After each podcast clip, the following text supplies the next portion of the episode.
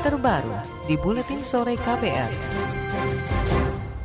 Presiden Joko Widodo memerintahkan para menterinya untuk menindak tegas intoleransi. Jokowi secara khusus menyebut dua kasus intoleransi yang muncul di awal tahun, yakni penolakan renovasi gereja Katolik Paroki Santo Yosef di Karimun, Kepulauan Riau, dan penolakan pembangunan musola di Minahasa, Sulawesi Utara. Jokowi mengatakan seharusnya masalah intoleransi bisa diselesaikan di daerah. Namun karena daerah masih gagal mencegah praktik intoleransi, Jokowi memerintahkan Menteri Koordinator Politik Hukum dan Keamanan Mahfud MD dan Kapolri Idam Aziz untuk menyelesaikannya. Tadi juga saya sudah perintahkan kepada Menko Polhukam, kepada Kapolri untuk menjamin terlaksananya kebebasan dalam beribadah dan menindak tegas kelompok-kelompok atau masyarakat yang mengganggu berjalannya sesuai dengan jaminan konstitusi yang tadi saya sampaikan.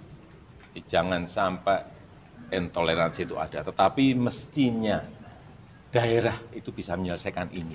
Presiden Jokowi memerintahkan agar kasus intoleransi di dua daerah itu segera diselesaikan. Dia khawatir jika tak kunjung tuntas bakal menjalar ke daerah lain. Jokowi menegaskan negara harus menjamin kebebasan beragama dan beribadah warganya. Menteri Koordinator Politik Hukum dan Keamanan Mahfud MD mengklaim konflik pendirian rumah ibadah baik di Karimun Kepulauan Riau maupun di Minahasa Sulawesi Utara sudah rampung. Kelompok-kelompok yang berselisih, kata Mahfud, sudah melakukan dialog dan sepakat untuk berdamai. Ia mengatakan selama ini banyak masalah pendirian rumah ibadah yang bisa diselesaikan dengan baik, namun dibesar-besarkan di media sosial. Jadi soal Karimun, soal apa Minahasa juga sekaligus, masyarakat sudah kondusif di sana. Yang ribut kan kadang-kala di medsos saja seakan-akan mau gempa bumi. Tidak ada apa-apa.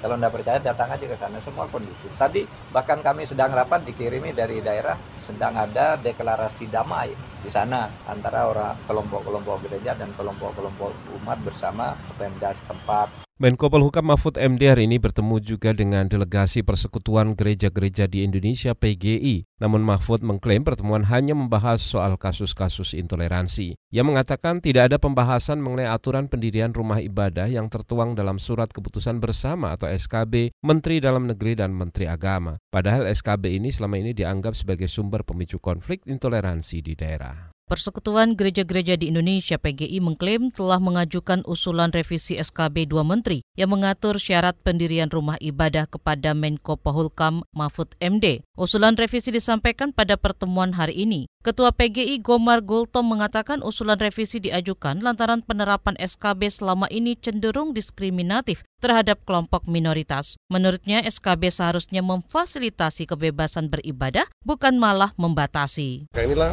kami meminta revisi misalnya penguatan terhadap fasilitasi pemerintah daerah terhadap e, kebutuhan umat untuk beragama.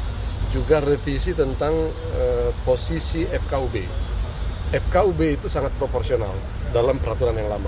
Kita menuntut itu supaya tidak dipakai kata proporsional karena dengan proporsional itu yang terjadi adalah voting, bukan musyawarah. Itu menghilangkan spirit bangsa kita untuk musyawarah. Ketua Persekutuan Gereja-Gereja di Indonesia PGI Gomar Gulto menuturkan lembaganya meminta revisi memuat penegasan tugas Pemda untuk memfasilitasi kebutuhan semua umat beragama. Selain itu PGI juga mengusulkan agar Forum Kerukunan Umat Beragama FKUB tak diberi wewenang memberi rekomendasi izin pendirian rumah ibadah. Selama ini FKUB justru banyak ditunggangi kelompok-kelompok intoleran. Menteri Dalam Negeri Tito Karnavian membuka peluang untuk membahas revisi surat keputusan bersama SKB dua menteri mengenai syarat pendirian rumah ibadah. Menteri Tito Karnavian mengakui aturan itu menjadi salah satu akar masalah munculnya intoleransi di daerah. Bekas Kapolri ini mengklaim sudah meminta forum komunikasi pimpinan di daerah untuk aktif memediasi jika terjadi konflik dan kasus intoleransi. Saya sudah mengkomunikasikan dengan kepala daerah supaya ini melibatkan Forkompinda. Komunikasi dengan Forkompinda.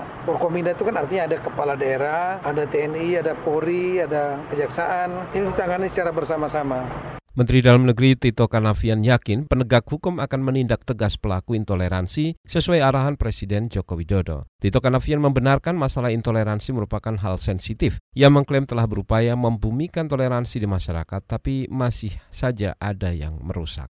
Wakil Sekjen PBNU Imdadun Rahmat berpendapat tidak perlu ada revisi syarat pendirian rumah ibadah. Menurutnya SKB dua menteri bukan faktor utama penyebab munculnya konflik, melainkan masih masifnya penolakan sebagian masyarakat. Bekas Ketua Komnas HAM itu menyebut juga banyak kepala daerah yang belum memahami tugasnya untuk memfasilitasi kebebasan beribadah. Imdadun menyebut jalan terbaik menyelesaikannya adalah lewat dialog, bukan pemidanaan. PBM itu adalah mekanisme administrasi administratif yang ada atau tidak ada itu tetap akan ada problemnya sejauh masyarakat belum siap uh, menerima keberadaan rumah ibadah agama lain. Hmm. Jadi ada atau tidak adanya aturan PBM itu, itu kalau masyarakat nggak siap untuk uh, apa namanya menerima keberadaan rumah ibadah agama lain akan selalu muncul. Jadi jadi bukan PBM sebagai uh, apa namanya penyebab munculnya konflik. Wakil Sekjen PBNU Imdadun Rahmat juga mendorong pembentukan forum kerukunan umat beragama FKUB di seluruh daerah ketimbang membuat FKUB nasional. Pasalnya sudah ada lembaga kerukunan umat beragama nasional di bawah Kementerian Agama.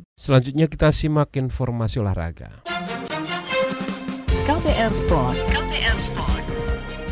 Tim Putri Indonesia gagal menjadi juara grup kejuaraan bulu tangkis Asia 2020 yang digelar di Filipina. Indonesia dikalahkan tim unggulan Thailand dengan skor 2-3. Tim Merah Putih lebih dulu unggul lewat tunggal pertama Gregoria Mariska Tunjung yang sukses menundukkan busanan dua set langsung.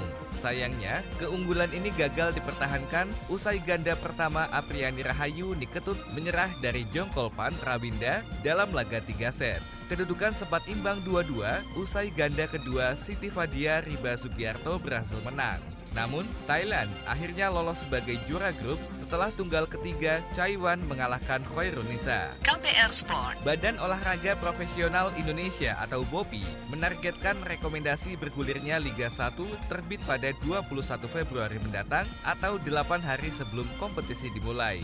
Ketua BOPI Richard Sanbera mengatakan siap mempermudah proses penerbitan rekomendasi KPR Sport. KPR Sport.